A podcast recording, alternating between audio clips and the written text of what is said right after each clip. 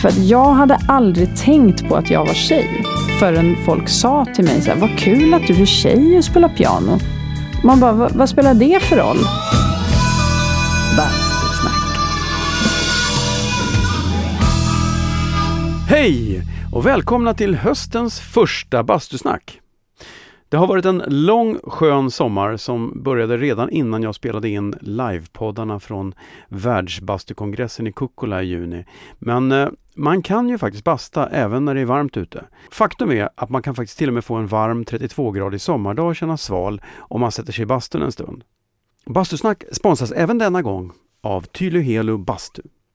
På tylö.se så hittar du alla deras produkter, såväl bastu som ånga och inspiration. Där kan du läsa inte bara om deras produkter utan även lära dig lite om klassisk bastukultur. Och eh, på produktsidorna hittar du tre olika sätt att få till ett basturum. Modulbaserat, monteringsfärdigt eller skräddarsytt. Oavsett om du vill bygga en infrabastu i garderoben eller en stor byabastu med inbyggt vattenfall så har Tylö Helo lösningen för dig. Gå in på tylö.se och välj och vraka. Man ångrar aldrig en bastu. Höstens första gäst är ingen mindre än Så ska det låta Marika Willstedt. Ja, hon heter så. I alla fall här. Varför får du höra strax. Eller nej, nu faktiskt. Över till bastun.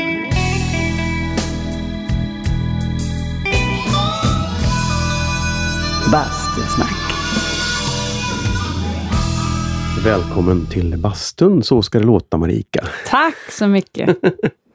Du hade ju det som krav, ett enda, folk har mycket krav för att vara med i den här podden. Mm. Det enda kravet du hade var att du blev presenterad som Så ska det låta Marika. Mm, exakt, det är det enda kravet.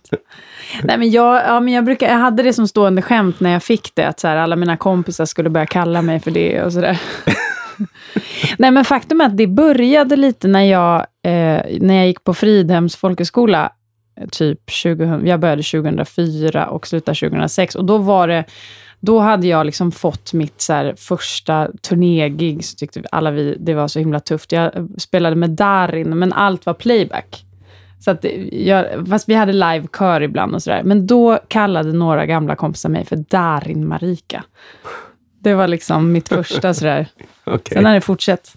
Så ska det låta. Marika är väldigt mäktig tycker jag ändå. Det är nio år nu, Shit, coming up. Jösses, det är så länge. Mm. Ja. Men Nionde hur, säsongen. hur, eh, om man går rakt in, hur, hur, hur fick du det? Ja, jag tror... Nej, men de hade ju faktiskt en allmän audition. Det var ju så att Anders och Robban hade ju suttit och sen kom ju då Stefan och Putte och det kan man ju säga som en liten eh, poäng här nu då, att eh, de, Anders och Robban satt ju nio år och jag har ju då mitt nionde år coming up, så nu är vi jämnt. Mina förebilder. Okej. Eh, nej, men så de, jag tror att ehm, SVT som, ja, som andra företag vill väl förnya sig och förändra sig ibland och så tyckte de väl att det hade varit kul med en förändring och det skulle vara kul med tjejer. Och då hade de en, eh, ja, men en öppen audition Mm. med folk med namn de hade fått in som de tyckte verkade intressanta. Och så fick jag ett samtal. Eh, tyvärr kommer jag inte ihåg av vem, men jag tackar den personen idag. Men hur gick det till då? Liksom? Fick ni, var det en tävling eller blev var det en intervju? Eller fick ni spela och sjunga? Eller? Ja, det är, det är egentligen, det är väl kanske en av mina skämskuddar i, i karriären faktiskt. Men, för det var så att jag, på den tiden, det kan vi prata om sen, men jag spelade med ett norskt band som hette Cocktail Slippers och vi var, spelade ganska mycket utomlands och sådär. Så jag var i London och ja, som du vet att det kan bli en, en sen kväll och så skulle jag flyga hem och göra den här auditionen och den var upplagd så att Peter Settman som var programledare på den tiden var där, hela tv-teamet och man fick möta en liksom, motspela, motspelare, ja, en motspelerska, vad man nu ska säga, som man gjorde själva tävlingen med och så spelade Mm. de in, de bandade typ 30 minuter. Okej. Sådär. Ja.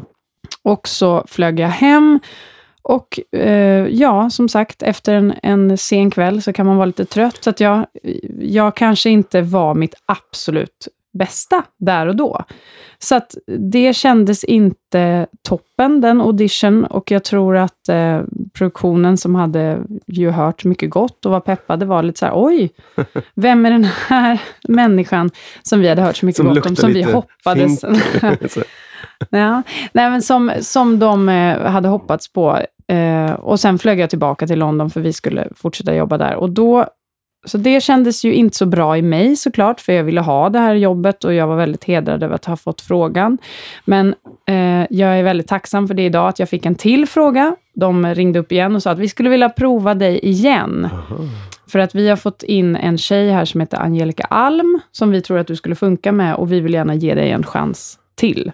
Men det är klart, för de ska inte ha en, de ska ha två. De två Ja. måste funka ihop. Och de, Precis. har man två som är för olika så funkar det inte, även om den ena är jättebra. Nej, Ja. så det var ju Ja. våran kemi de ville det, testa just också. det. Och Mm. då kanske underförstått, ge mig en chans till, för att jag var inte helt För superskärpt. du var inte bara så att du var avslappnad och inte så nervös då? Ja, nej, men det, jag brukar i och för sig inte vara nervös alls, så jag var nog helt enkelt inte så bra.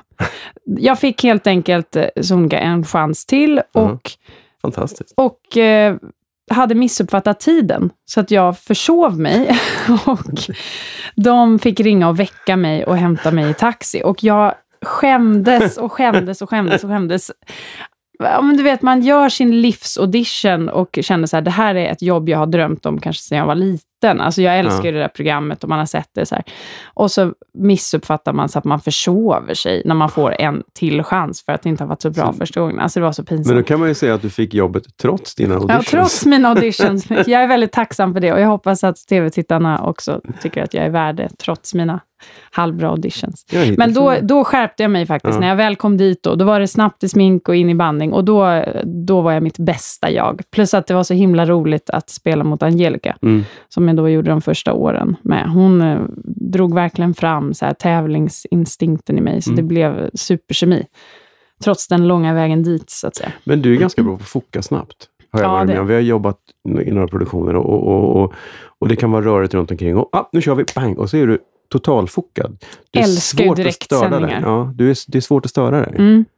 Du är liksom svårpsykad. Ja, nej, exakt. Du har försökt många gånger. Så. Dratt ner, lagt på kalanka i lyssningen. Och... Jo. Ja, men jag skulle säga den värsta, den värsta psykningen måste ju ha varit eh, var det premiären? Va? Vi, vi gjorde den här föreställningen som hette eh, Oslagbart. Oslagbart Ja, just det. 2011. När Ja, när säger- när det säger. Ja, när Ah, det säger gud. brak i kulissen typ en kvart före föreställningen. Ja, det var hemskt. Vem var, jag kommer inte ihåg, det var någon, någon musiker eller något som hade sprungit in. Det var så mörkt där. Det var Det var inte tiden. en musiker, vi behöver inte nämna namn, men det var inte jag och det var inte en musiker. Nej, okej. Vem var det då? Det var en annan person. Kan det ha varit jag? Nej. själv? Nej. Nej, jag kommer inte ihåg, men det var så mörkt där bak ju, Mm. eller hur? Så att man såg inte och cellon stod väl inte säkrad. Vi hade ju inte, den stod ju i sitt ställ och så just det, och den välte. Och visst var det så att greppbrädan gick av på mitten, Mm. en sträng släppte och vi i all god tro tror jag hade så här, men vi har ingen möjlighet att laga det här nu. Vi hade liksom inte, det gick inte att sätta på extra strängar, jag vet inte ens om vi hade några. Och, och greppbrädan var liksom av på mitten, så det var, du tog fram gaffan. Nej, men vad jag minns, vad jag minns, nu kan jag minnas fel, så Mm. var det så att vi faktiskt hade en cello. Ja, vi kanske hade det. Det ja. fanns en gammal cello där som vi hade haft i logen eh, som, som hade använt sin rea-sketch. Ja, just det. Så det var sådär, du kommer inte tro det här, men vi har en cello. Det var, inte, det var typ Tomans billigaste cello, men jag tror att vi kanske använde den. För att jag, jag, Ja. jag minns inte vilka nummer du gjorde på cello då. Om det var att Ja, man, jag man kunde var- stryka den, eller hur Nej, jag tror att det var, jo det var ju några, vi gjorde någon, en tango där med Men det var Niklas ingen sologrej, tror jag. Nej, nej, var- det var det inte, utan det var i bakgrunden. Nej, jag tror att vi, antingen om vi körde på tre strängar med någon gaffa-aktig Ja. lösning, eller om vi provade med den Ja, cellon som ni hade, ja. rea-cellon. den var säkert på rea också. Ja, på Toman. Nej, men ehm, ja, och det, det är sådana lägen är såklart då blev pressat. du lite störd minns jag. Ja, Men det förstår jag. Herregud, det är ju ditt instrument. nej men jag hade ett sånt scenario igår. När jag spelar i Parkteater nu när min kära kollega Nisse tryckte in cellon bland hans bilbarnstolar i sin bil och du vet, tryckte till. Och, och han bara, du hade inget, det, var, det där var inget flygcase va? Nej, det var... Alltså jag skulle nog säga att är det någonting som ger mig stress och som har, genom min karriär har gett mig stress, så är det cellon. Ja. För att jag är ingen... Jag spelar ju jättemycket cello, men jag är ingen cellist så tillvida att jag kan inte hantera den. Jag kan inte byta strängar själv. Alltså jag kan, jag måste... Du vet, jag lämnar in cellon för liksom de enklaste sakerna till min underbara kontakt på Gottfrids musik, som alltid... Jag ringer så här, hej, kan jag få hjälp? Det är liksom när vi är på turné med, med Strömstedt så har det liksom, senast var det så här Per Björling som spelar ju kontrabas då, fick vrida igång och stämma den när den hade ramlat. Alltså jag... Men du har Ja. aldrig försökt? Det är inte så att du har liksom försökt sätta dig in i det och bestämt dig för att nu ska jag lära Jo, mig min ibland, ibland så går det ju såklart en sträng, och då, eller liksom den, den stämmer ju ur sig. Och då Mm. kan jag faktiskt stämma den nu. Jag har lärt mig stämma. Nej, men Jag tycker att det, det är läskigt för att det är ju inte som på liksom en bas eller en gitarr, att man, kan, att man vrider försiktigt, utan man måste ju ta i med kraft. Mm. För att stämskruvarna är ju, sitter ju i, rakt in i träet. Så att vrider man lite för hårt och tar i lite för hårt, så kan man ju lätt dra av strängen. Det Mm. händer ju inte på, på en bas eller Nej, gitarr. Så, så att jag, jag har så mycket respekt. Och sen har jag haft den där cellon sedan jag var 14. Jag fick den av min mamma. Ja, det är samma cello. Ja. var inte så att du har någon sån här, köpt någon, nej, Nej, utan det är samma. Jag har ju Aha. försökt köpa nya, Ja. men den här är så pass mättad, så att den har inte så mycket övertoner. Nej. Så då funkar den så bra i popsammanhang. Mm. Så det är väl också att jag är lite, liksom lite rädd om den på något sätt. Så då har jag så mycket respekt för den. Så att, men den har ju lagats åtskilliga gånger då, bland, sen oslagbart där på börsen. Men- jag vet, jag kommer ihåg att, att det var en, en grej, jag, jag, jag pratade faktiskt med Niklas lite om dig. Mm. Uh, och, och, alltså, ja, men du vet, hon var ju så grymt ouppstyrd i början. Ja, jag vet. Hon, du hade, just att du bara hade softcase till cellon så att den fick åka i framsätet på crewbussen. Verkligen. Och jag tvingade också ljudteknikerna varje natt, då, det var, här var innan din tid David, att ta in den och sova med den på hotellrummet för de som hade dubbelrum. För den fick inte sova själv. För den skulle bli kall i Ja, ja, bussen ja, ja. Du vet, och den behövde kärlek och sådär. Så det var alltid någon ljudmänniska eller någon i crewet eller så här, som fick ta in den och sova med den. Du kunde inte göra det själv då? Jag vet Du inte. var Jag, sån star så att du... ja, nej, det är klart jag kunde ha gjort det själv, men du vet, eh, jag, jag Mhm. gillar ju när folk tar Nej, jag skojar. nej, men nej, det, det är klart jag kunde gjort det själv, men jag tyckte väl det var lite härligt att den fick lite manlig Ja. färgning. Jaha. Nej, men så, så var det. Den, precis, så jag kan väl då tacka eh, Niklas Strömstedt och eh, i princip är det då Mats Persson och Peter Besterman och det gänget för att jag köpte mitt hardcase, Mm. Som då uppenbarligen ändå inte går att smälla en hård bagagelucka mot. Ehm, och även hardcase till mina keyboards och sådär. Jag, jag Men jag tycker inte du är ensam om det, för att jag, jag stöter fortfarande på faktiskt ganska rutinerade eh, musikanter eh, ofta. Mm. Som har svindyra keyboards eller jättefina gamla 50-talsgitarrer eller vad som helst. Som gärna kommer i en kartong eller i en Ja. softcase och ska lastas i någon turnébuss. Och man bara tänker, men du la ner 35 000 spänn på det här instrumentet. Du kunde inte ha lagt till 3-4 000 Nej, för ett exakt. case också. Ja, nej, men, och nu när man har hardcase Ja, så bli, ja. kan man ju sitta och, liksom, i den skaran då och säga ja, det tycker jag att ni borde köpa. Men som sagt, jag har ju själv varit där, så jag ska inte vara så hård mot Nej. det. Nej. Nej, men jag vet inte vad... Ja, nej, som sagt, den där har, cellon har... Niklas välte ju faktiskt den nu på Grand, kom jag på. Det är många som välter min cello, men han välte den själv nu på ett gig på Mhm. Grand Hotel, faktiskt. Hoppsan. Eh, Mitt under... Och, det- så att, men då hade vi en backline-tekniker som snabbt. Det var ingenting som gick sönder, Mm. så, utan den bara, alla strängarna stämde om sig mitt under en låt. Han dansade så vilt. Niklas Strömstedt, den dansante. Ja, men han är ju känd för det. Ja, eller hur? Tycker det. Hans Han vilda danser är ju, faktiskt. det är lite hans signum faktiskt. Eller hur? Ja, Strömstedt. Du vet Ja. han som dansar. så- Ja, ja. just det. Han. Sista morgonen och dans. Precis. Ja, men i övrigt så har ju han, jag, jag- som sagt, jag pratade lite med honom på, han fyllde jämnt här. Mm. Du var ju också där. Ja. Eh, Och då kom vi att prata om dig. Eh, eftersom jag funderade på att prata med dig här. Mm. Då, så. Och då, han, han, han sa att de, du hade lite, han och Mats, du gjorde audition hemma hos honom och fick ju giget typ direkt. Ja, men det var ro- Jag har tänkt på det också lite inför att vi skulle träffas idag, att så här, när olika saker börjar och när vilka man har som hjälper en kanske Mm. till dit man är idag. Och så där. Man har ju, alla människor har väl olika personer att tacka för där de är idag. Och för mig så blev det väl egentligen så att jag lärde känna en kille som heter Jack Middleman, som tragiskt gick bort i cancer för några år sedan, som var jätteviktig för mig. Han liksom presenterade mig för massa folk och vi spelade och, och, och det var jättekul. Och, så där. och han och Mats Persson kände varandra och egentligen Niklas också. Så att då blev jag presenterad för Mats Persson, som då senare rekommenderade mig till den första Strömstedt-svängen. Mm. Och det här var väl 2008, 2009. Och de har väl egentligen blivit, de tre personerna är verkligen så här personer som jag räknar, alltså utan dem hade jag inte varit där jag är. Mm. Så att jag har verkligen mycket att tacka. Men Niklas uttryckte det lite som att, att eh, de åkte i Niklas bil, och, eller ni åkte i Niklas bil och du satt i, i baksätet och var barnet och, och, och han och Mats var- han och Mats var mamma. Ja, Mats var mamma och han var pappa. Och så berättade ni om hur det funkade här. Ja, men exakt. Och sen så ibland när Niklas behövde sova så fick jag köra, för Mats har inget körkort. Så då, och då fick Mats välja musik. Annars var det Niklas som valde musik. När Och då lyssnade vi på obskyr jazz och sånt, tyckte Niklas, som hade svårt att somna i baksätet. Han är inte så jazzig kanske så, som jag och Mats lyssnade mycket på jazz och fusion och sånt när jag Ja. körde.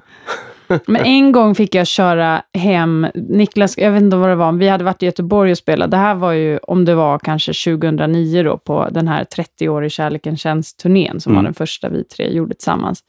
Och då fick jag köra hem Niklas bil själv till Stockholm. För att vi hade varit i Göteborg och spelat, tror jag, som sagt. Och Mats skulle ner till Malmö, tror jag. Och ja, jag skulle gissa på att Niklas skulle vara kvar och kolla på fotboll. Mm. Alltså det är väl kanske ja. det mest troliga. Alternativt spela golf. Ja, det är Ja. det mest troliga.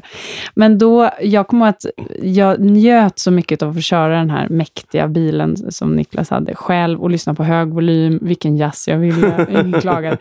Och sen när jag kom till Stockholm så vart jag så otroligt rädd för att parkera där jag skulle möta upp Jenny, tror jag det var, på Mariaberget där uppe någonstans. Så jag blev så rädd för att fick parkera den här bilen i backe, Mm. så att jag fick ringa henne, så hon fick hoppa, eh, ta över. För att jag bara, jag kan inte, jag har klarat mig hela vägen hit nu, utan att krocka, utan någon liksom skråma på bilen.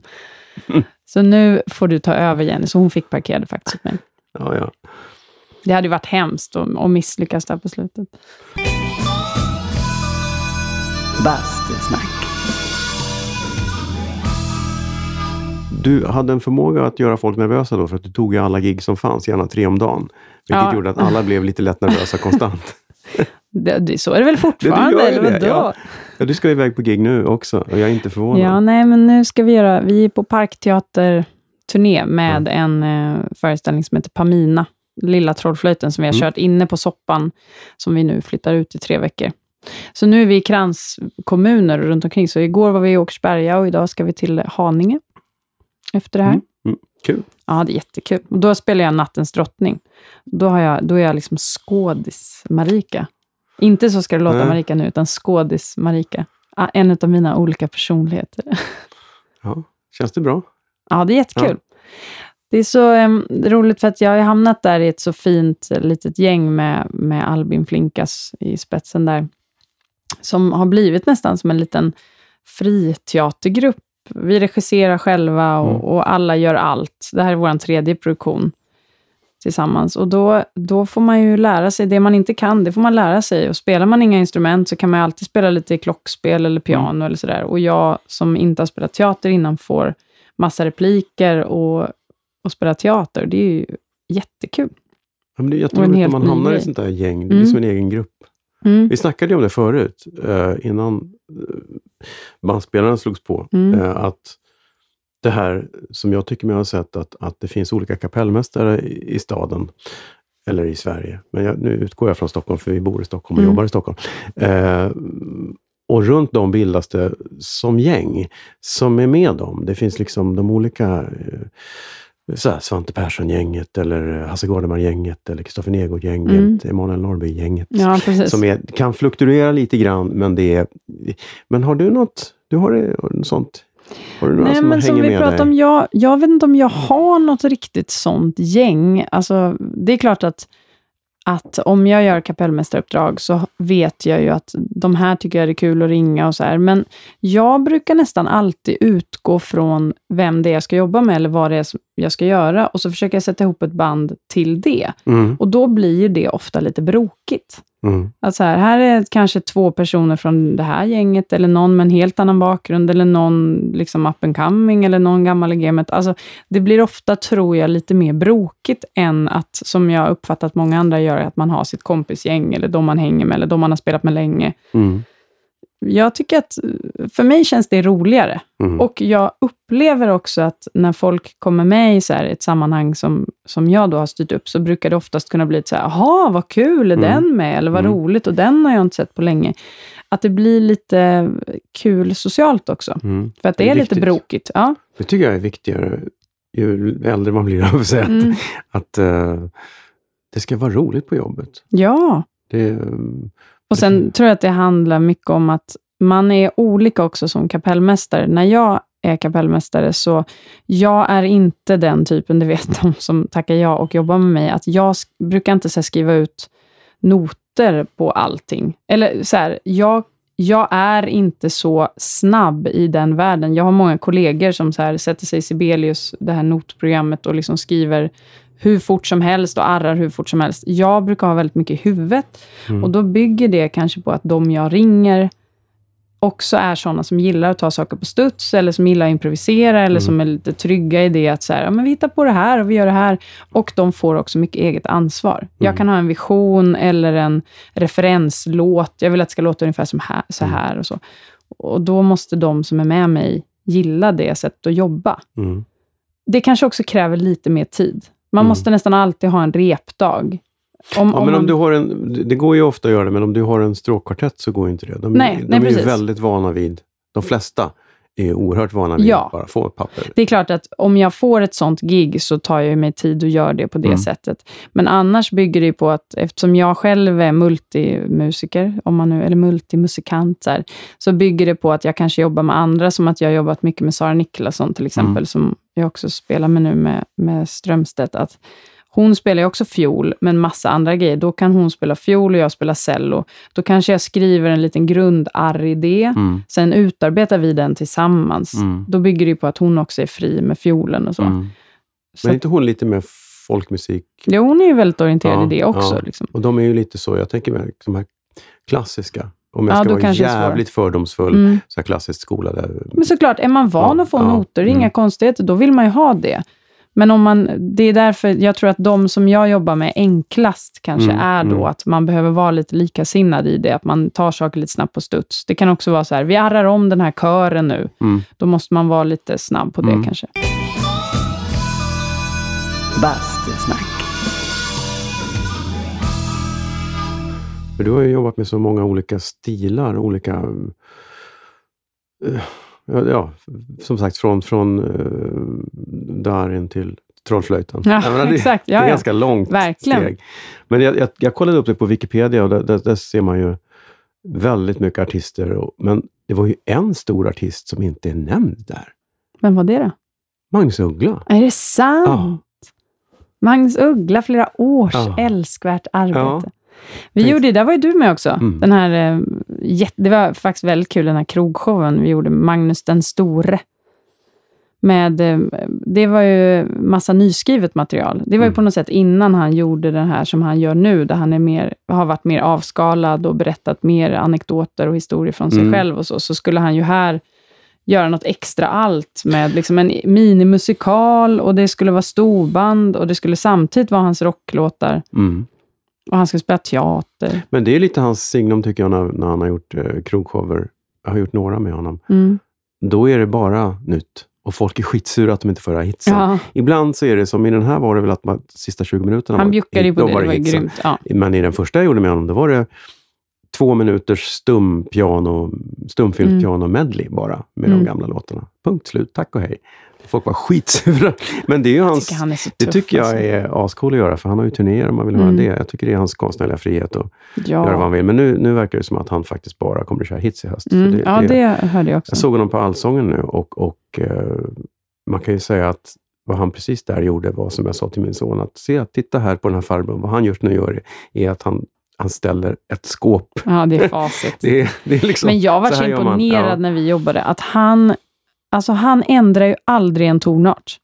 Alltså han kör ju alla låtar original och Mm. de är fruktansvärt höga för folk som har prövat att sjunga dem. Alltså de är höga för mig. Alltså de är höga liksom. Men han svär ju själv. Det är så jävla högt. Jag säger, Ja, kan ju sänka det? Nej, själv. fan, låter mycket bättre här. Ja, okej. men och på rep och allting. Han är ju en sån där person som bara går in, vad han än är, och Ja. ställer skåpet. Ja. Alltså det är så häftigt att se. Och vara Ja. nära sen när man repar, så bara oj, oj, oj. Ja. Nej, det, man blir imponerad. Men han är ju också, han har höga krav för att han, han kommer ju till repetitionen och kan sitt. Mm. Och om du inte kan ditt, då undrar han vad du gör där. Ja, men vilk, det kan jag verkligen förstå. Ja, att ja. om man som artist har en vision och man har anställt ett, ett gäng musiker och, och crew och sådär, då vill man väl att de ska vara förberedda. Det, för Mm. att det, också, det har man ju också, det kan man ju säga som man lär sig som musiker och som jag i min roll när man står bakom en artist, att vi, för det är det jag, jag liksom har gjort mest i min karriär, så här, och det är med Så ska det låta och allting, man ska stötta de som står längst fram. Och det är verkligen ett ansvar att stå längst fram. Och blir man inte backad liksom, på ett bra sätt så faller ju hela... Men det är ju han Alltså- som får ta skiten om Ja. det spricker, det är ju inte du. Nej, verkligen. Och vi kan alltid gömma oss bakom ett instrument eller bakom ett arrangemang eller så här. Men som artist så står man ju där och tar allting och, och får ju recensionen och, och allt sånt där. Men också att man blir osäker och kanske inte presterar lika bra om bandet inte är bra. Så, där. så jag kan verkligen Mm. jag fattar att artister ibland blir liksom irriterade när Mm. musikern inte har haft tid eller inte kollat in. Alltså det tycker jag med all rätt. Men så tyckte jag var, det var jävligt kul med dig för att jag har som sagt gjort några produktioner med honom. Jag, jag kommer ihåg det första gången jag skulle jobba med honom så fick jag ett gott råd av en vän som hade jobbat mycket med honom sa att vad du än gör, säg inte emot honom. Mm. Och första dagen så var var jag tyvärr, var jag ju tyvärr tvungen att säga emot honom för att det var någonting som han faktiskt hade fel om och det blev, det blev lite spänt Ja. i hushållet som Thomas Blindberg brukar säga. Ja. Men, men eh, så småningom redde det ut sig och så kände jag att eh, det förstärkte lite vår relation Mm. eftersom han fick han, tyckte, han respekterar ju folk, han hatar ju folk som hycklar och bara säger för fan, skitbra, när det inte är det. Ja. Men jag, jag kommer ihåg att du var ju ganska grön när vi gjorde den där showen Ja. och eh, sa vad du tyckte nästan hela tiden. jag vet. och jag undrar så här, förstår du hur nära det var att du fick sparken? men nära skjuter ingen har. Nej. Eh, nej, men jag tror såklart, av, som du säger, av, av olika anledningar. Alltså det är ju, jag, jag tycker ju om att prata och jag gör det gärna och ibland kanske jag pratar lite för mycket. Men jag tror ändå att det som gjorde att vi sen jobbade så bra ihop och, och blev goda vänner i det där är ju att, att han uppskattar ärlighet och Mm. att såklart att jag kanske inte var supersmidig i alla lägen, men jag tror ändå att det, han såg igenom det och liksom att den här tjejen har visioner och hon, vi vill liksom ändå utveckla musiken åt samma håll och sådär. Så att jag tror att vi möttes i något väldigt bra där. Men, men som sagt, ja, det var några kämpiga dagar där när man skulle liksom stöta och blöta och, och lära känna varandra. Mm. För vi kände ju inte alls varandra Nej. faktiskt. Jag kommer å- återigen säga, jag är dålig på att komma ihåg. Jag tackar här nu alla människor som ger mig chansen, men tyvärr så är jag ibland lite dålig på att komma ihåg. sådär. Men, men, eh, men vem som ger en frågor och sådär. Men, eh, nej, men vi var ju nya för varandra, Mm. så det är inte så konstigt heller att det tar en liten stund att, att hitta hur man ska vara mot varandra. Men det var en spännande produktion och det var ju, det var ju tanke där att det skulle vara ett band med bara tjejer. Mm. Och så var det audition och så hittar man folk och så, som inte var så bra och så hittar man några som var bra fast som inte kunde. Och sen, men jag minns någon gång de här diskussionerna när du faktiskt, jag tyckte det var starkt av dig att just i det gänget säga att ah, men jag tänker inte vara med och ha ett, i ett band som består av tjejer bara för att de är tjejer. Nej, ja, det är Det alltid tyckte den här frågan, man sån- pratar ju mycket ja. om det och speciellt nu i, efter hösten och allt som blev Mm. med liksom metoo och sådär, med, med kvinnor och män i branschen och allt sånt där. Och jag är ju själv tjej, så att jag vill ju givetvis att det ska vara så här 50-50. Jag vill att tjejer ska få komma fram. Och nu, när jag började så var det ju en helt annan bransch. Då fanns det ju väldigt få tjejer som spelade. Och nu har det ju verkligen förändrats jätte, jättemycket. Eh, men, men på något sätt är det så här, självklart måste man ge tjejer chansen. Och jag har själv fått chansen, vet jag. Jag vet det flera gånger där jag kanske inte riktigt har varit redo eller sådär. Men om man, liksom, som i mitt fall då, jag tog chansen och jag gjorde det bra. Och då funkar det 100%, men jag kan inte liksom kvotera in alltså om jag nu är kapellmästare till exempel, där det uppenbart blir en lägre nivå, där det inte kan nå upp. Alltså man kan ju givetvis ge någon chansen, som mm. att jag har fått chansen massa gånger. Men man måste ändå någonstans kunna leverera till en lägsta nivå, så den som krävs. Mm. Och det var väl så som Magnus och vi resonerade just där och då, att så här, det som blir svårt när man Alltså sen, som sagt, folk var upptagna och, och allt sånt där, men att man vill ju hitta musiker, det gäller ju killar och tjejer mm. likadant, som kan leverera. Och det var en ganska bred show. Det var mm. både jazz och det var rock och det mm. var liksom originalmusik oh ja, de skulle och kunna klara väldigt mycket. Ja. Men nu ska vi ju ändå säga till Bass att, att det gick ju alltså att hitta. Det fanns ju jättemycket bra tjejer. Det är bara det att det gick inte att sy ihop det tidsmässigt med alla. Nej. Så det var Precis, det, men det var ju det ja. som var så kul tycker jag när vi gjorde den audition, att man mm. fick för jag hade nog inte liksom, det gör man ju inte varje dag, man kartlägger ju inte. Vi var ju ute i hela Norden och letade mm. efter bra folk. Och, så att, att man fick se att så här, shit vad mycket grymma tjejer det finns. Nu kom ju Idol-Mariette med. Exakt, ja, som vi kallar vi har, Och ljudtekniker-David på ljud här nu. Och intervju. Intervju-David. Podd-David ja. är din nya. Precis. Nej men precis, Mariette, hon är ju grym gitarrist, men det är så här, det är inte säkert att alla vet det, för hon var ju Idol-Mariette mm. och och sådär. Men hon är ju skitbra på gitarr, mm. så det, mm. hon var ju liksom huvudgitarrist i den showen. Mm. Men jag, jag tänker ofta på det där, för man får ju frågan när man är tjej så här, i, i branschen. Jag gick ju på Fridhems folkhögskola, som jag sa, 2004. Och då gick jag först ett år en linje som heter Tjejlinjen. Va? Ja, den fanns på den tiden. Och den hade de startat för att de tyckte att det fanns för få kvinnor som spelade ja. jazz. Och så ville de så här, kvotera in på ett schysst sätt. Så att man bildade en ensemble och där fick man inte komma in på sång, utan man skulle spela instrument. Och sen var den ett år och sen sökte jag över till vanliga linjen och så kom jag in och då gick vanliga linjen inom citationstecken. Mixed och, ja, mixed och så gick jag den då ett år innan jag kom in på Akis i Stockholm. Men jag kommer ihåg att jag tyckte att det var så himla jobbigt, för att jag hade aldrig tänkt på att jag var tjej, Nej. förrän folk sa till mig så här, vad kul att du är tjej och spelar piano. Man bara, vad, spelar det för roll? Men det var som att det blev en grej. Och när man då dessutom gick tjejlinjen och automatiskt fick lite halvdåligt självförtroende för att man gick tjejlinjen. Ja, men det är ju underförstått lite sämre. Ja, men det blev ja. inte alls bra på det sättet. Nej, det blir, ja, tanken tycker jag är jättefin, men Ja, men vet du, det som ja. var så mäktigt sen var att efter fem, sex år så kunde de lägga ner den här linjen för att den hade tjänat sitt syfte. För att helt ja. plötsligt fanns det massa kvinnliga musiker och det, det finns ju jättemycket grymma också jazzmusiker där ute. Mm. Alltså Elin mm. Larsson, mm. Lisa Bodelius, alltså fantastiska musiker som skriver och vinner priser och släpper massa grymma plattor. Och nu, just de två gick inte tjejlinjen, så det var ett dåligt exempel. Men, men jag kan ju se det själv efter eh, alla mina eoner av år i branschen. att I början så var det ju tjejer, de eh, körade. Ja. Eller dansade. Nu är det ju inget märkligt att det... Nu Nej, det, alla har ju så här, ja. Det är också så här, Beyoncé i bräschen och liksom mm. Sara Larsson mm. har ju, alltså mm. alla så här, stora artister, Molly, alltså har ju... För det, det känns aldrig som att någon är inkvoterad längre. Det tycker Nej. jag är skönt. Men det är ju det coolaste nu, att till exempel det som vi kör nu med Niklas Strömstedt, att det faktiskt har varit tre killar och tre mm. tjejer. Mm.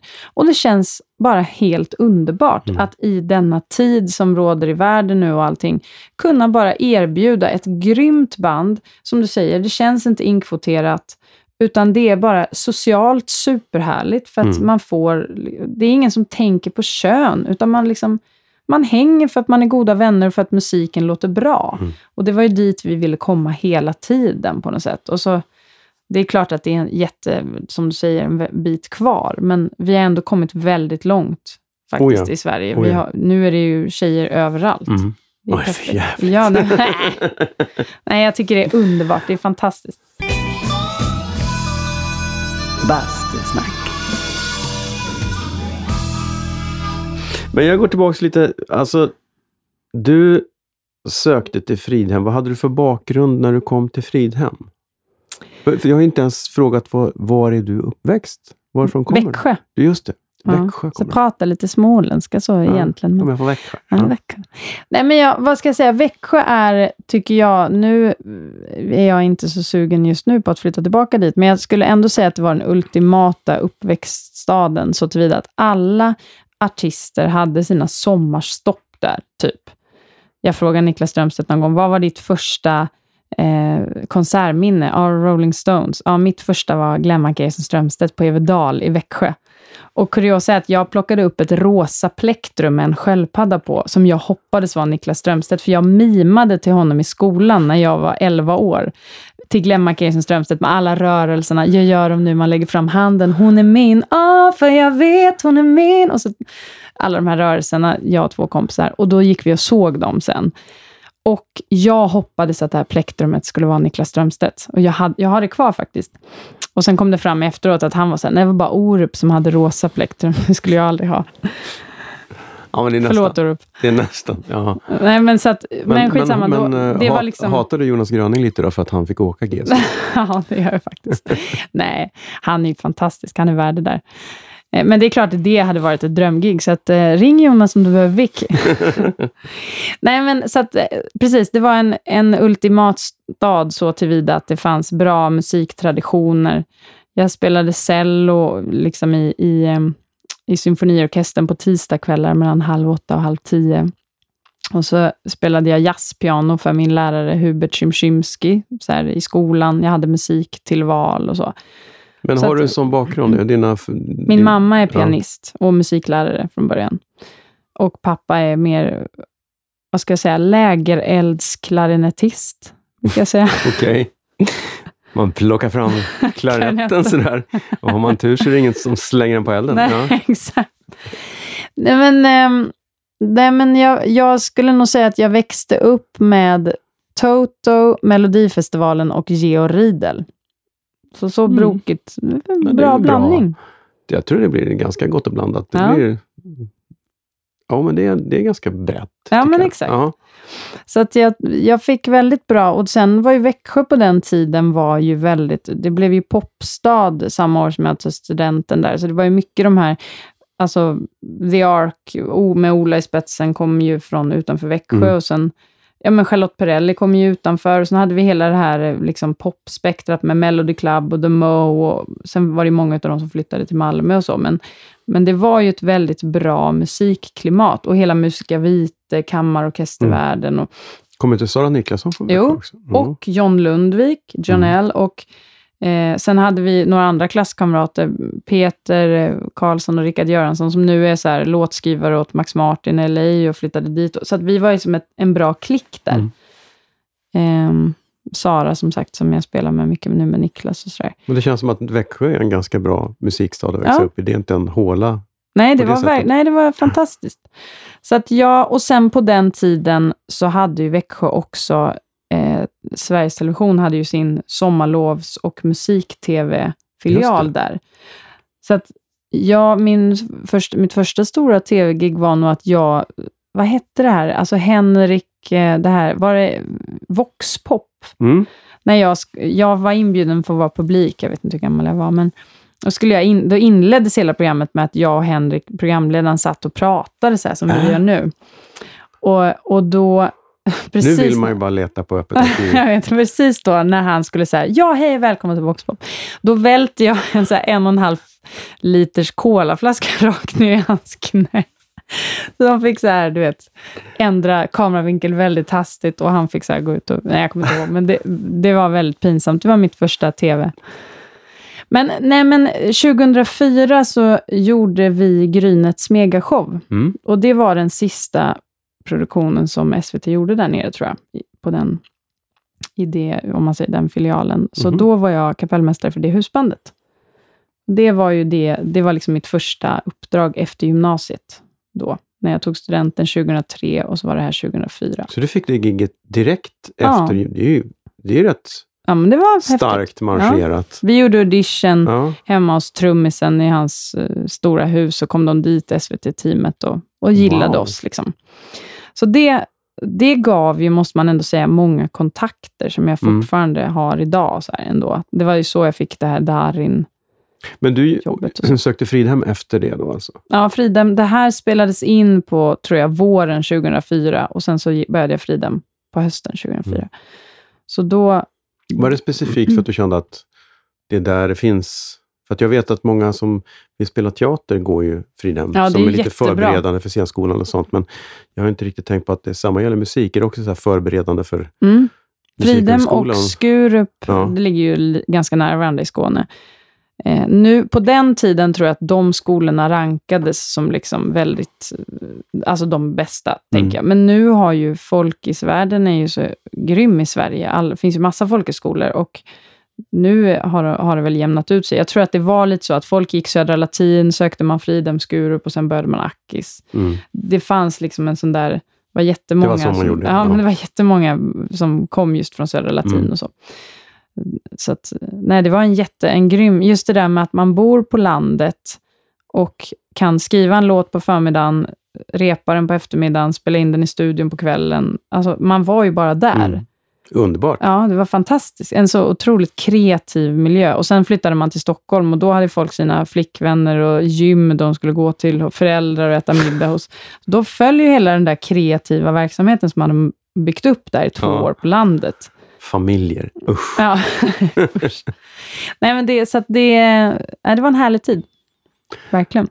Vad sökte du på piano, cello? När du gick tjejlinjen så fick du inte söka på sång. Nej, precis. Nej, Nej. men jag, både Men på... vad spelar du mer då? Du spelar... Ja, men både på Fridhem och på Musikhögskolan i Stockholm så har jag ju gått på liksom jazzpiano. Mm. Alltså på, på afro. När jag började på Musikhögskolan i Stockholm så bytte det namn till jazzlinjen. Men det finns ju ofta så här klassiskt eller jazz, eller afro som det hette tidigare då. Och då gick jag afrolinjen. Okej. Mm. Och, men ja. ja, ja, men du gick Fridhem och Akis. Mm. Jag är inte Ja. klar från, från Akis faktiskt. Jag, jag är underkänd i Guess-dur. ja, den är svårast. Det är svår, Den är svårast. Nej, ja, det är den faktiskt. Eh, Alla svarta tangenter. Nej, men jag, det fanns, jag tror de har tagit bort det nu, men jag skulle ju då, jag tog liksom lite uppehåll och sådär, men jag skulle nog ha gått ut tror jag 2010. Ja. Men eftersom jag då, de hade på den tiden ett moment som hette rhythm changes. Det är ju som en ackordföljd i den här I've got rhythm, I've got... Det är som en, om man tänker en blues en ackordföljd så är rhythm changes en ackordföljd Mm. ungefär. Och då skulle man liksom improvisera i den ackordföljden i alla tonarter. Och jag måste väl ha misslyckats då så fatalt i just typ Guess, så att jag, det var väl kanske någon, jag vet inte, men jag klarade mig i de andra, så att ja. Så att nej, jag har ett streck i Guess. Men jag ser ju framför mig att den dagen du gör eh, Så ska du låta Marikas soloshow på börsen så kommer ju finalnumret att vara Ja, men ett alltså, vet du guess. hur ofta jag tänker på det, typ som nu senaste åren när jag har fått äran att, att turnera med Lale, Ja, till exempel. ja. Så hennes låt Goliat går Ja. ju Guess. Ja. Alltså, senaste turnén så avslutade vi hela showen med Goliat och hon och jag var själva på scenen och det var liksom publiken sjöng. Och då, jag tänker alltid på det, här sitter jag och spelar Guess-dur. I'm not allowed. Precis, du har inte licens för Nej, det. exakt. Du har ingen Är det någon som vet? Är det någon som vet? Hallå, stoppa henne. Ja, men så det, ja, det är verkligen så här. Jag, jag vill ju, alltså Musikhögskolan var ju en fantastisk tid och jag är jätteglad att jag fick gå där. Och så här, men jag vill ju gärna på något sätt bli klar. Men Mm. det känns lite så här motigt att ringa upp så här, hej, jag, efter alla år liksom med jag allt man har gjort, här, tänk om jag skulle misslyckas. Men hur blir det? Hur Men det behöver du verkligen det? Du har ju ändå, det känns ju ändå som att du har ditt på det torra. Du har jobb. Jag tror att du är etablerad nu. Ja, kanske. Nu, nu kan du börja säga nej till gig. Liksom. Nej till Guess. Nej, jag till spelar inte Guess. Guess. Nej, det står i kontraktet. Va? Var så här, ja, men hon, vi vill ha henne, ja men då blir det ingen Guess. Nej. Nej, men jo, det är klart att, att det är olika branscher. Alltså jag kan tänka mig att i andra konstnärliga branscher så spelar ju utbildningen... Alltså tyvärr har det ju blivit så att det spelar ju ingen roll om man har gått klart eller inte. Alltså, Jag tänker att, att det jobbas ju säkert på det där och har säkert massa dialog, men man, skulle, man vill ju gå klart. Om man har gått Mm. musikhögskolan Mm. så vill man ju gå klart och det, det ligger ju i deras intresse också att studenterna ska gå klart. Det är ju- ser inte bra ut att man hoppar av. Så det är klart att de, jag, jag vill ju gå klart och jag hoppas att de vill att jag ska gå klart. Men det känns ändå läskigt att ringa och säga, kan jag få spela lite gestur? Ja, fast om det här liksom tynger dig så tycker jag du ska göra det. Jag tror det är för Det känns- sent också. Är det inte så ja. här fem år? Jag vet jag- inte. Ja, nej. då måste du söka igen och gå Mm, hela. Exakt, gå hela utbildningen. Men det är ju bara ett papper. Det, det, det, alltså jag tycker du kan ju. Du har inte hoppat av för att du inte klarade av det. Du Nej. har hoppat av för att du inte hade tid. Jag hade en dålig dag. Jag hade inte övat tillräckligt mycket på gestur. Nej, det vet du det. Det kanske också är en rolig historia som jag får leva med. Så här, min son, liksom, mamma, ja, hon, är inte hon är underkänd i gestur. Det får vara så. Mm. Men, men eh, osökt kommer jag in på att du, du slutar ju aldrig plugga heller, för du pluggar ju fortfarande. Ja, Fast en helt annan. Du är ju helt sjuk, för du, man tänker nu är du klar etablerad, har ett yrke här. Nej, men då börjar du plugga till ett nytt yrke. ja, jag går ju på KI och pluggar Ja. till doktor. Ja. ja. ja, nej men jag, dels är man väl olika och jag tror att jag är en sån person som tycker det är kul när det händer saker och Mm. jag behöver mycket input och så. Så är det väl så att man, ja men eh, jag gillar ju att lära mig nya saker och eh, då känns det, det är klart man måste inte välja det absolut svåraste på något sätt som kanske finns. En lång utbildning på fem och ett halvt år till Nej. läkare. Men Parallellt med en tv-karriär, turnékarriär Ja. och så har du småbarn. Ja, exakt. Nej, men jag, är, jag har alltid varit väldigt intresserad av naturvetenskap. Alltså Mm. kemi var mitt absoluta favoritämne på hög, redan från högstadiet. Så att det var väl, på det sättet så är ju inte steget så långt till att jag kände att jag Mm. ville välja det här. Men sen tror jag att man, jag är ju mer och mer kapellmästare och jag tycker att det är roligt och man är väl en, eller jag upplever mig själv vara en, en ledartyp som tycker det är kul att driva ett, ett samarbete framåt och så här. Då känns ju läkare kanske ha motsvarande sidor lite, att man är en del, man är en ledartyp, man Mm. driver det framåt och man, jag vet inte riktigt vart jag vill, om jag vill forska eller om jag vill bli, men jag, jag tror att jag vill ha mycket mänsklig kontakt. Alltså Mm. att man också kan ha nytta utav det man har fått i musikbranschen, av att man träffar nya människor hela tiden. Mm. Man är en del av en grupp, man, man jobbar mot ett mål. Alltså det, det är ju motsvarande också i... Men det är ändå lite läskigt, läkare. för att jag menar, om du inte fixar gestur så är det en kul grej. Men om man som läkare sumpar, Nej, precis. ah, just det, lillfingrar är jag inte så bra på. Ja, nej. Där finns det ju inte, precis. På läkarlinjen vill man klara alla moment. Just uh, gestur var inte lika blodigt. Nej, för att vara precis. lite precis. rolig. Nej. Nej. det är klart att det är ett enormt ansvar och det kan man ju... Nu är jag ganska tidigt i utbildningen, Mm. så det är klart att jag kan vara lite rädd och så, men det tror jag de allra flesta är som bestämmer sig för att plugga till något sånt. Att man Mm. har ett enormt ansvar som man...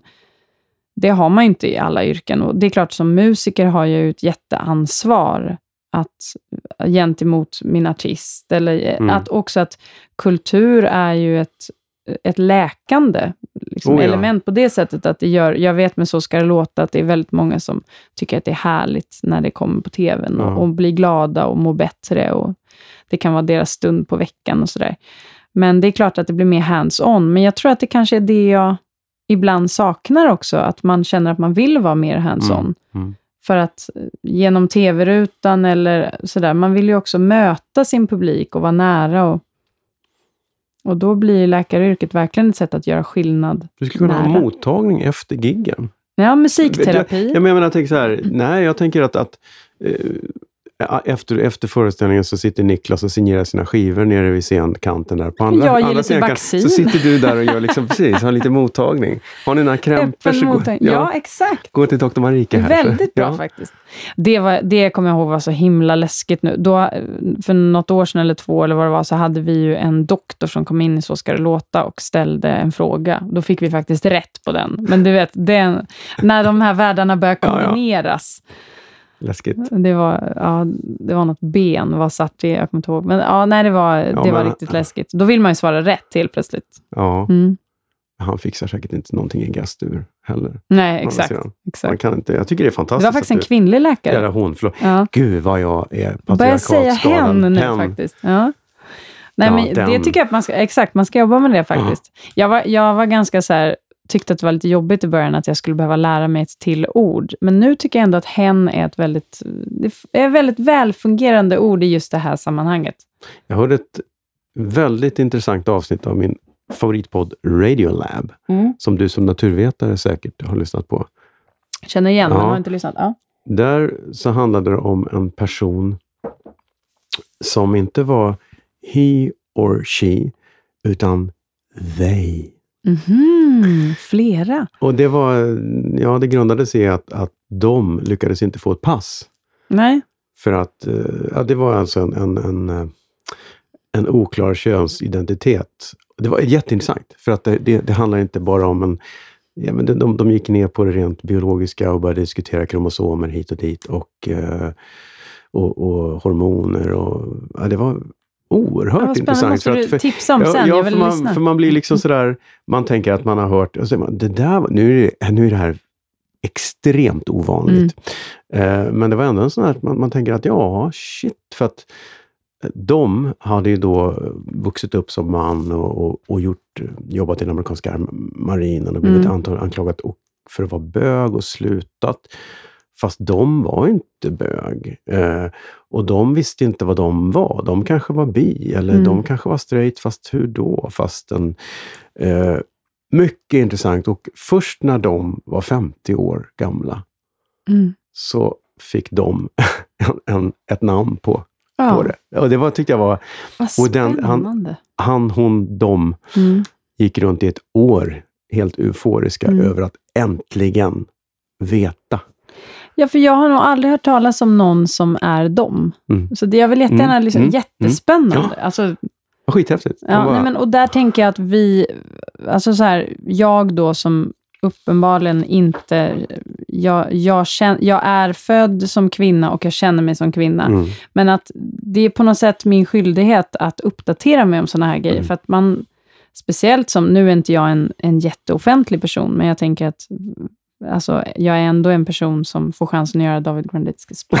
så att, eh, Ja. nej, men att man måste tänka på vad man säger. Man måste faktiskt, och jag tänker Ja. också så här, som kvinna, och där, det är min skyldighet att rätta dig när du säger han om en läkare. Oh ja. Speciellt när jag ja, också vill jag bli kände, läkare. Sekunden jag sa det tänkte jag. Men nu jag- kommer hon säga något. Men, men där kan jag också säga att jag tycker någonstans att eh, som så jävla gammal som jag är, när man är uppvuxen under 70-talet. Man, man, man föds ur en annan verklighet. Det var ju typ samma för mig när jag Ja, växte upp. och då, blir det, då märker man hur man kommer på sig själv hela tiden idag med gamla, antingen ord som man bara säger för att det råkar vara de orden man alltid använt, eller fördomar som man har och som man får jobba på. Men det, det, det gläder mig att den nya generationen, men mina barn, känns som att de faktiskt har en helt annan syn på saker. Mm, och, vi hoppas och, och rättar mig. Och man bara, jag blir jätteglad. För det, Så jag tillhör den nya generationen nu. Nu pratar jag om mina barn. Nog för att du är oerhört ung, men jag tror inte du skulle kunna vara min dotter. Nej, men jag tänker, Ja. det blev nog viktigt, det är ju samma för mig, sen jag fick min son nu, att så här, ja men när man läser böcker och så där, att man inte hela tiden behöver utgå från att också att det ska vara han eller hon, utan det kan, eller hen, det kan också vara Liksom man kan också säga så här, ormen vill detta. Mm. Alltså man behöver inte ens könsbestämma. Man- Alltså, ib- ibland är det, man får jobba med det där hela tiden och det finns ju så många tillfällen då man kan falla dit. Och jag tror att det är bra så mycket man kan variera språket. Mhm. Och sen kan man väl säga han ibland, man kan säga hon ibland. Alltså man kan säga vad man känner för. Men, men att man ska... Jag faller ju dit också, herregud. Men jag försöker, det är lättare att rätta någon annan än sig själv. Bastusnack. Jag såg att du har jobbat en hel del med Wille Crafoord. Mm. Han är ju typ i min ålder. Ja, Han är skitgammal. Hur träffade du honom? Nej, men jag, jag tänkte lite på det. Vi, jag tror att vi skojar om det också, Ja. alltså med alla de. För att det, det blev så en period att jag jobbade med Niklas Strömstedt, så jobbade med Ville Crafoord, så jobbade jag med Anders Widmark. Jag jobbade bara med, med män i, Mm. i samma... Fadersgestalter. Ja, exakt, Ah. exakt. Alla eh, har, var ju dock fantastiska projekt. Så att, men, nej, men Ville är ju en, en kul typ. Dels hade vi ett band ihop eh, som heter Bara Vänner, som eh, ligger på Spotify, kan man lyssna på om man vill. Mm. Det är lite bortglömt, men väldigt bra tycker jag. Eh, och sen gjorde vi, han kör ju fortfarande den här Hovturnén. Mm. Och jag var med där tre år. Sjukt kul projekt. Alltså nu, precis, eh, Hanna Hedlund och eh, Martin Stenmark gjorde ju den i år. Mm. Eh, men det är, ja, nej, det är underbart. Man rider runt till häst i Skåne mellan giggen. Och sen, jag menar teknikerna och, och grejerna åker ju med bil, men artisterna och musikerna rider på riktigt så här. Det är som Fy- ja. Ja, exakt. Ja, Han ja. tog ju det och gjorde havremoppe-grejen. så att fyra till sex timmar i sadel varje dag. Men det, krävs det förkunskaper för att få jobbet? Eller tar han Nej. in folk även som... Nej, men alltså vi hade ju, det, det har ju funnits lite sådär undantag som kanske inte har, har ridit lika länge, som man tänker så här, Micke Rammel var med ett Mm. år till exempel. Han red ju inte alla sträckor för att han kände inte att han Han orkade ramlar rida. hela tiden. Nej, förlåt. Mm. Men så man kan ju såklart göra undantag, men, Mm. men, eh, nej, men jag vet inte, jag tror att vi, man tog någon ridlektion eller så här, kanske prövade lite på någon kompis häst eller så, men sen kastade vi oss ut. Wow. Och det är ju liksom en flock. Eh, alltså vi, vi har en tjej som vi jobbade med då, som heter Anna, som Mm. hade ett gäng hästar. Så de hästarna kände ju varandra. Det är snälla var, hästar. Ja, Ja. exakt. Men det var ju fortfarande ur och skur och, och blåst och raviner och i vatten. Och, Kul. alltså det var ju, ja, det var Det helt skitkul. enormt. Ja. Men jag hade lite så här olyckshändelse sista året. Då var vi med eh, bland annat Nanne Grönvall. Och då, det var jag och Olle Linder, basisten, som fick för oss att vi skulle... Man blir ju lite så tuff också efter några år. Olle har ju varit med längre. Han har varit med sedan starten, tror jag. Man blir ju Zeb McKay. Ja, exakt. Man bara, vi, vi tar en galopp fram till det där huset där, du vet, en så lång raksträcka. Och sen så, hästar är ju alltså flyktdjur. De blir ju, helt plötsligt så kom det en vattenpöl och Mm. hästen tvärnita och jag slungades, du vet, rakt ut i åkern. Aj. Och, och Nanne tror jag gjorde en volt. Alltså det var... Och, och, jag vet så här, Gunhild Carling hoppade av och var så här, men gud, är du död? Alltså det var verkligen Oh. så där. Men jag, jag hade eh, helt enkelt ett blåmärke på hela skinkan och då var det någon, om det var Ville, som bara, man landar ju på den största delen först. Ja, ja. Nej, men jag, Blue, Blue Moon fick ett, eh, ett nytt Bra. kommer till ljus. Fint. Nej, men det, Men hur träffade du Ville? Ja... Nej, men jag tror att vi gjorde en eh, cover, om det var till, jag kommer inte ihåg om det var till Grammyskalan eller P3, något sånt där, av en Markus Krunegård-låt. Hemma hos eh, gitarristproducenten Tommy Denander. Mm. Och då, eh, ja men så spelade vi in den och så tycke uppstod.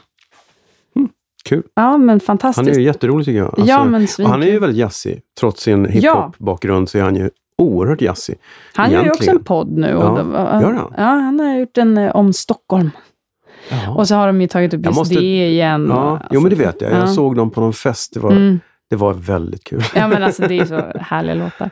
Ja. Nej, men ja, det samarbetet var ju jättekul och han skriver så fina låtar tycker jag. Och som sagt, Mm. Hovturnén Mm. tycker jag, alltså får ni chansen att gå och se den så kolla på det. För det eller om man som musiker eller artist får frågan om att vara med så Mm. är det ju det roligaste och mest äventyrliga man kan göra. Så där som, det är ju verkligen på riktigt.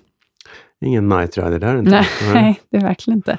Jag Coolt. såg nu på Instagram att de hade, det hade inte vi, vi hade någon som kvällsritt, men de hade ju en nattritt nu på, den här, Mhm. på det här året, där de, du vet, helt i Tufft. mörker. Alltså det, det är verkligen på riktigt. Inget för veklingar. Nej. det är bara hårda Ja, artister. exakt. Nej, det, är- nej det, är verkligen, det är verkligen häftigt. Coolt. Men det är intressant med hästar. Jag snackade just med någon om det. De är ju fan rädda för allting. Mm. De väger ett ton Mm. och de är livrädda för... Vad hände där? Liksom. Nej, men jag, de är väl, ja, men just, det är väl någonting, jag kan inte det där, men är det inte någonting med ögonen? Att de sitter så att de ser jättebra i vissa vinklar, men Ja. när det kommer ett snabbt objekt eller ett litet, eller så här, det kan ju vara något som blänker Ja. i diket eller sådär. Eller en blomma i någon avvikande alltså, något så här formfärg. Så blir de ju rädda direkt, som då typ en vattenpöl, att de Ja. ser inte botten och det blänker. Ja, man tänker, hallå, de är ju ute i naturen hela tiden. Ja, exakt. Get Det är som used att to vi it. skulle... Liksom. Ja. Nej men alltså vi har ändå västensadlar. Ja. Alltså, vi, vi lajvar ju vilda västern. Ja. Men, men alltså det, jag höll ändå i Jag anade ju liksom lite Ja. att det skulle bli något. För att hästen skenade ju i princip först. För att vi satte ju igång dem. Mm. Det var ju liksom mitt eget fel. Eh, och, men jag höll ändå i mig med... Jag minns att jag höll i mig med hela min kraft. Och ändå så slungades jag långt bort, högt upp. Alltså fort och, och gjorde liksom Bergs någon slags volt på vägen. Alltså det var ju jätte, jätteläskigt. Men jag, jag förstår inte, för jag höll mig så hårt. Men de är ju starka. Mm. Ja, det, Men, men det, det viktigaste i det läget var, det var ju Ville är ju väldigt hästvan och han var så här upp på hästen direkt. Och sen skrittade vi sista biten, Mm. men det var fortfarande så att, att bara man vågar upp direkt, Mm. det är väl som med allting. Spelar man fel, spela låten Ja, igen. fortsätt spela, ja, exakt. Att inte bli, bli rädd i sådana lägen. nej. Bastusnack. Ja, men jag har ju alltid varit så jävla sotis på dig för att du är polare med Little Steven. Ja, jag vet det. Det är ni alla. I hate you for that. Ja. Hur fick du det? Det roligaste var när Ja. han ringde så här, Hej, hello Marika, I'm in Stockholm. I need to buy some movies. Då hade han så tråkigt på hotellrummet. Någon, de skulle spela så Bruce och så hade de någon dag off emellan. Så då visade jag honom till den här videobutiken som ligger på Götgatan. Du vet, där de har massa gamla, Mm. vad heter de, video number one? Nej, vad heter det? Alltså, de har ju massa hyrfilmer och allt sånt där, men de säljer också ut massa gamla filmer som de Mm. har så här i stora Mm, boxar. den heter Number One tror jag. Eller Mm. hette, finns Ja. den kvar? Nej, jag vet inte, men det här var ju flera år sedan. Ja.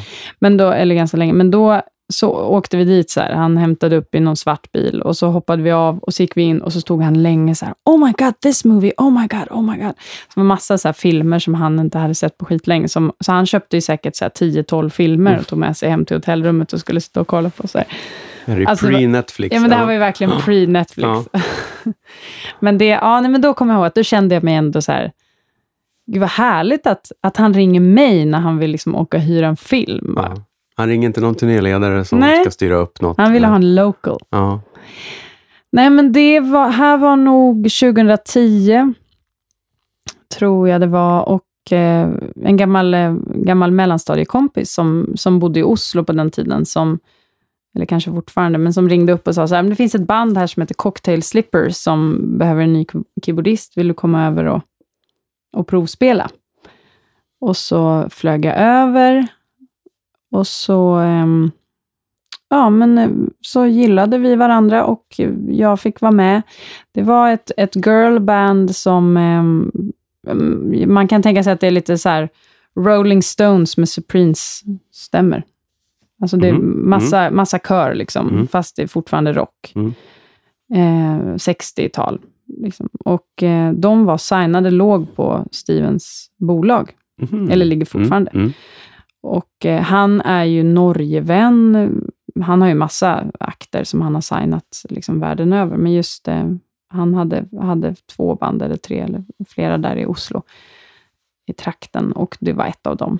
Och då fick jag chansen att vara med.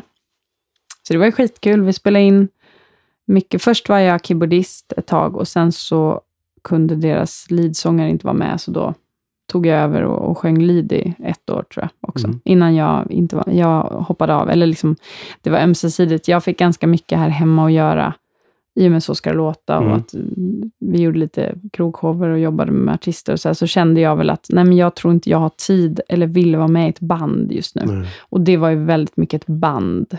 De Ni var ju med i Lillehammer också. Ja. Mm. Vi var med i första säsongen, Mm. episod två, tror jag. Det var kul. Tror Nej, men- jag. Det är klart du vet mycket Ah. väl. nej, men, eh, nej, men han, eh, han är skitkul människa och, och man skrattar mycket med honom och han är väldigt så här, personlig fastän han är den han är. Alltså, jag menar, han är ju verkligen en världsperson, men han är alltid down to earth och liksom nära och inbjudande. Och han var ofta med oss liksom i replokalen och stod så här, aren't you gonna try that instead? Du vet, så här, höll på, kom fram till piano och tryckte upp.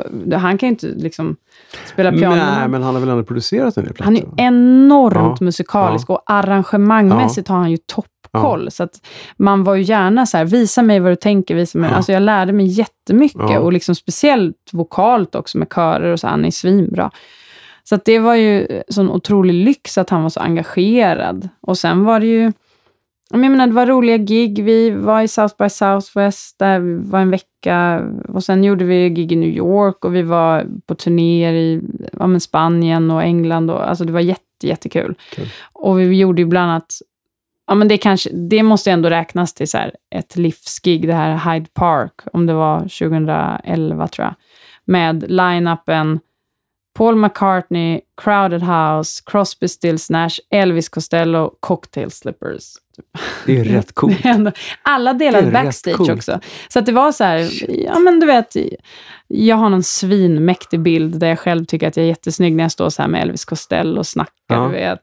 Men alla var ju skittrevliga. Du måste skicka den till mig så kan jag lägga upp den på Facebook-sidan Bastusnacks. Ja men såklart. Fan vad coolt. Nej, men Ja. du vet, och, och Ja. Paul McCartney hade i och för sig en liten egen del, för han, var, han har så stort crew, så här, men han gick liksom igenom vårt Mm. område när han skulle gå till giget och han var så hello mate, hello, hello there, du vet så här, svinglad i någon så här, han hade en, en eh, röd sammetsmorgonrock eller så, du vet, som han gick i och, så här, och med sin trevliga uppsyn. Nej, men det var så enormt mäktigt att få, vi spelade på den lilla scenen, alltså sådär, och vi spelade såklart inte på samma scen som Paul McCartney, men det var som en liten minifestival där. Och sen, ja, nej, men det var verkligen eh, livets gig, helt Mm. enkelt. Kul med sådana där. Supertrevligt. När man får med de där. Ja, men för en ja, dag, du mm, vet. Och ja. bara få... Ja, det är så här det är. Och, så Och- inser man att ja, men det är som vilket gig som helst hemma. Ja. Fastän med andra människor. Men det måste man ändå säga med, med mitt och, och även menar alltså vårt yrke eller vår bransch. Här, att det, liksom när man har väl kommit någonstans på något sätt, så man gör ju ingen skillnad på folk och folk. Och Nej. ingen gör det världen över. Alltså musiker som musiker. Det är det som är så roligt, att de här stora namnen, jag menar Elvis Costello är ju också en musiker. Mm. Alltså det, man möts ju i det. Mm. Och det är det som är så himla häftigt, att man kan faktiskt prata med de här världsstjärnorna som vilka som helst. Liksom. Och det är ju det är väldigt Mm. roligt. Men vad är det mest... det roligaste musikaliska projekt du har varit med i som folk inte känner till då? För du har gjort väldigt mycket stora publika Mm. saker, men du måste ha gjort något mindre som... Som bara, wow, det här var skitkul. Synd att det inte hände något. Ja, nej, men så, så tycker jag ju. Jag tycker att det finns här artister till exempel som jag har spelat med som jag tycker förtjänar mycket mer uppmärksamhet. Till exempel Jamie Mayer och Jens Hult. Alltså fantastiska röster och låtskrivare som jag verkligen tycker att alla borde lyssna in. Eh, som, som jag älskar. Men sen är det klart att, som folk kanske inte vet om, dels där Bara vänner, som jag sa med Mm. Ville, men också att jag eh, är med i ett projekt som heter Sonic Station, som nu ligger det lite på is och, och sådär, men vi har släppt två plattor. Och det är främst eh, gitarristen och producenten Alexander Kronbrink som ska ha cred för det projektet. Eh, han är grym. Men där vi har släppt en platta på ett tyskt bolag och ett på ett italienskt. Och det är ju verkligen West Coast. Och där sjunger jag ju på... Det kan också folk lyssna in om de vill det- höra mig göra något helt annat. Skicka lägger vi upp en länk på Bastusnacks Mm. hemsida också. Det blir mer att länka. Ja, men för det, ja. det är kul och just för, för det är ingen som förväntar sig att så här, oj, Mm. Precis, man, man får ju liksom när man, när man dör sen så får man ju fundera på vilka så här, ah, okej, jag delade backstageområde med dem i Hyde Park, sen sjöng jag i ett West Coast-band, släppte på tysk, italienskt, ja, och jag, bla bla bla. Man får liksom så här Ja. tänka de här coola sakerna man har gjort. Ja, Jag var med i saker. Ja. Ja, eller roliga. Jag tycker Mm. att eh, jag har gjort en del coola saker, men jag har framförallt gjort, framförallt gjort en del roliga saker. Mm, gud ja. Och det, det är inte alltid, ibland samma, är det samma sak, ibland är det inte samma Nej. sak. För man har varit med om coola saker som inte alls var kul, Nej. men som var coolt. Fast så kul var det kanske inte. eller tvärtom. Ja. Men, men, eh, men vad tror du att den vanligaste fördomen om dig är då? När, när, för du har ju någonstans, vad är... Eh, för, för att, det snackade vi också om förut, att får du gig som keyboardist bara rakt av? Eller har du fastnat i det här att Nej, men hon är ju kapellmästare eller hon är en person i sig. Jag kan ju inte ringa henne för jag behöver en keyboardist. Ja, men alltså jag tänkte på det faktiskt lite också inför idag, men att jag har ju på något sätt Alltså, jag vet inte hur jag ska uttrycka det, men, men mitt mål har varit att jag ska bli en artistmusiker. Kan man säga det? Jag tycker till exempel att Ja. så här, Anders Berglund för mig är en artistmusiker. Mm. Alltså han har den där eh, liksom grejen av att han är en, en erkänd person, och han, liksom sådär, men han har alltid ändå hållit på med musik.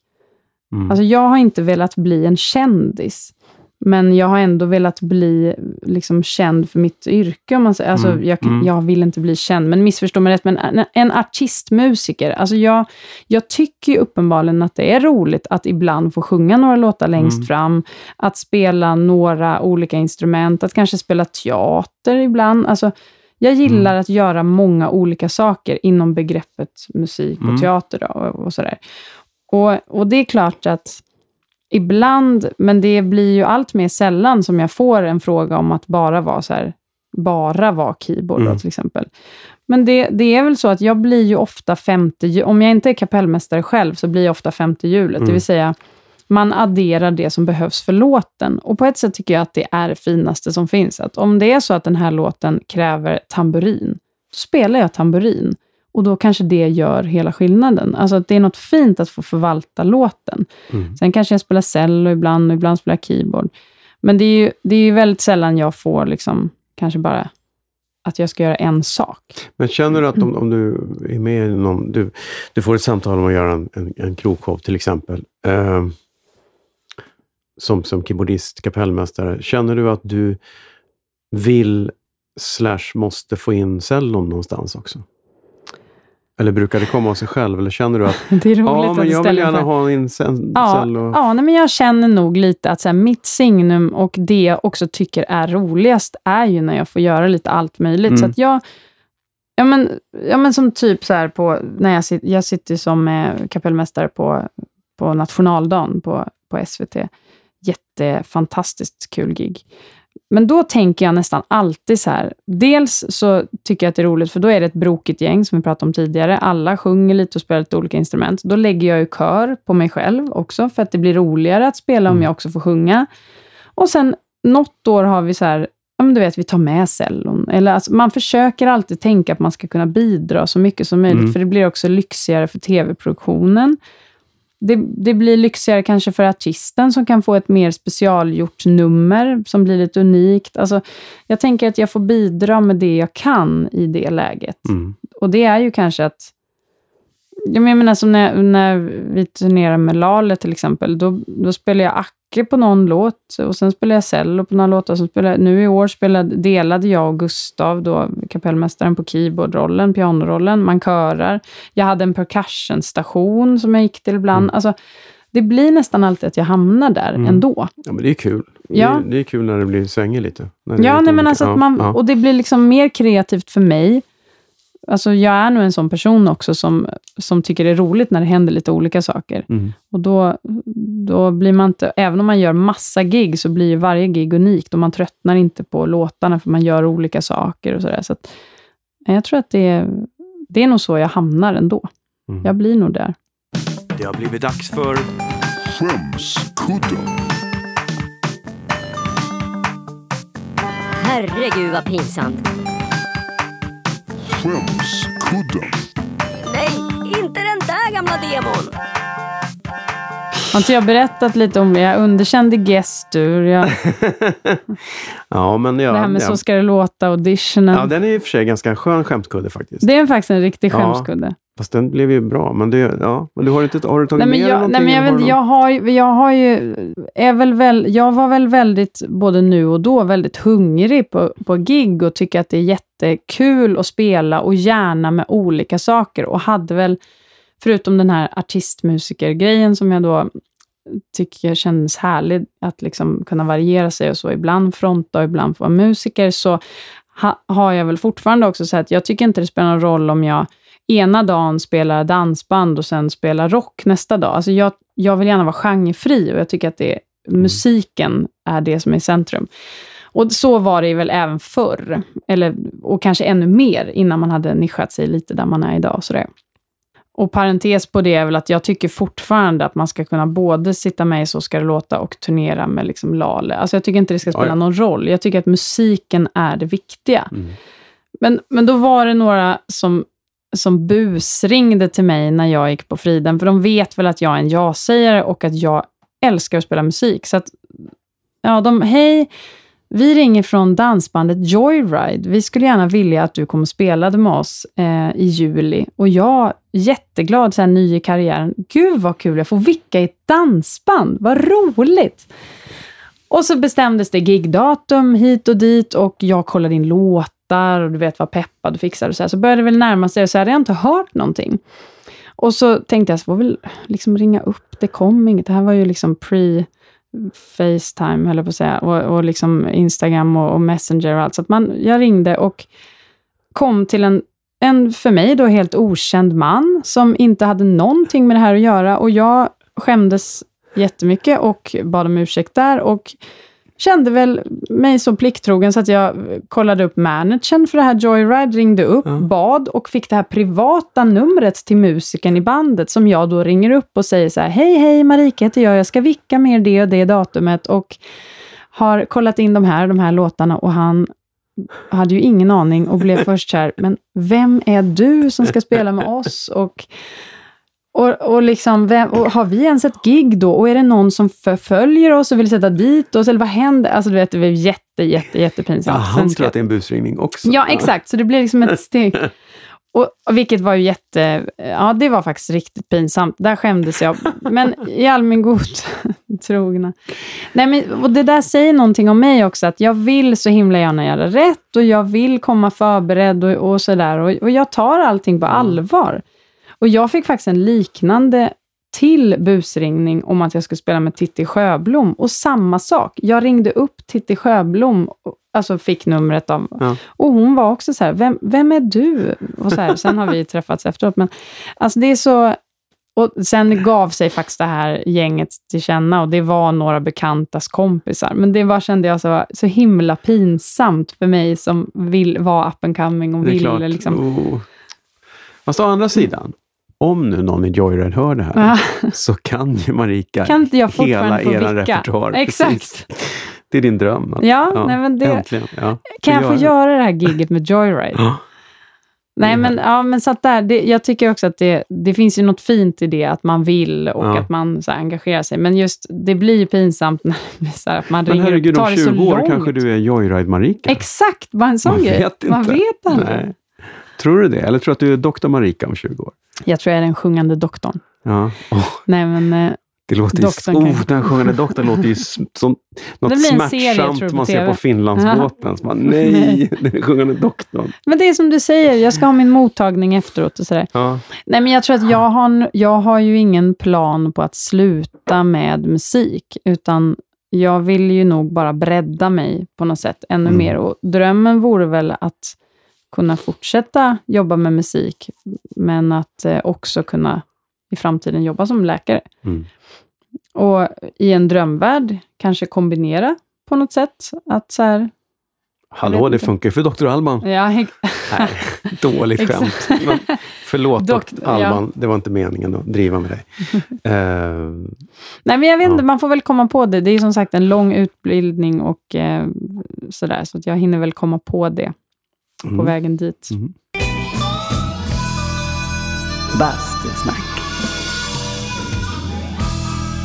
Men du, eh, då eh, tack så hemskt mycket. Så ska det låta Marika. Ja, tack så Eh, mycket ja. podd-David för att jag fick komma hit. Du, jag glömde. När får vi se Steven i Så ska det låta?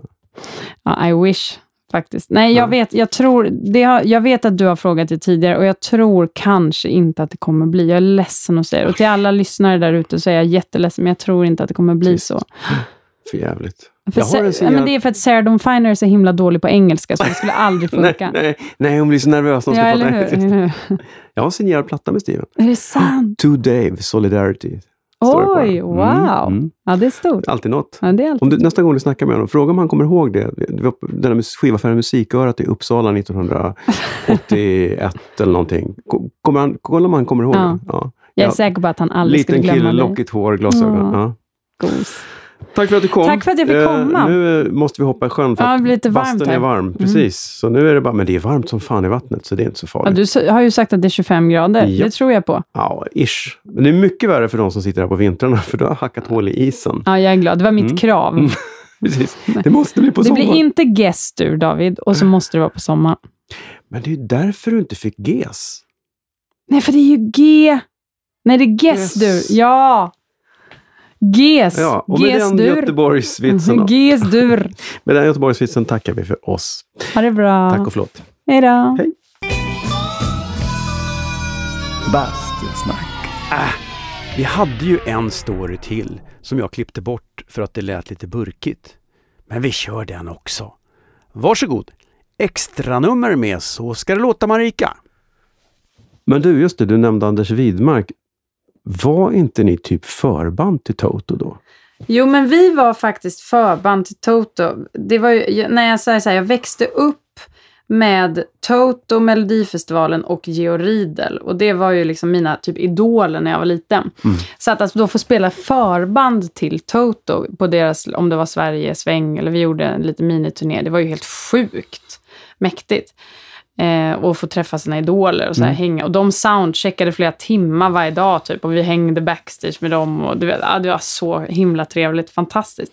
Men till saken hör att när jag gjorde en turné med dem, om det var med Anders och, och hans fantastiska musiker där. Eh, och Sara Isaksson när de släppte sina eh, skivor där, 2008 kan det ha varit någon gång. Typ. Och Ja. då spelade jag keyboard med dem och då fick jag en underbar recension som jag fortfarande kan, kan skratta. Men det var Marika Willstedt bidrar med övervintrade syntljud från Totos glansdagar.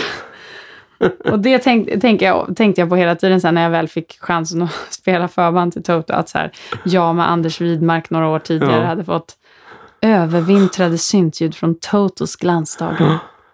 Ja, det är starkt. Sa du det till, vad heter han? David Page. David Page ja. Nej, I got some overventured uh, synth sounds. Shit. Ja. jag sa faktiskt inte det. Kanske jag skulle ha gjort. ja. Maila nu och säga. Bara så du vet. Hello, it's, uh, Mhm, It's Marika this how from... it should sound, Marika. This is how it should sound. Mm. Ja, Härligt. En skämskudde i sig kanske? ja det är en skämskudde Ja, faktiskt.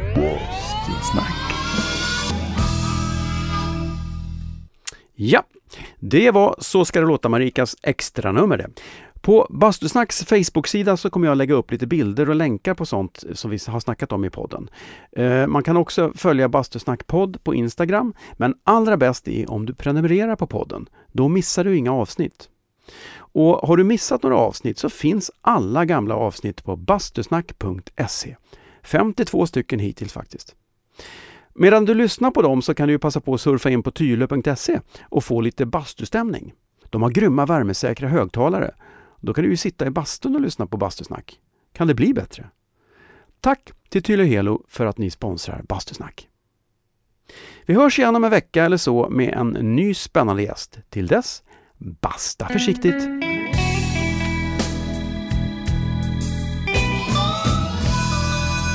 Bastusnack.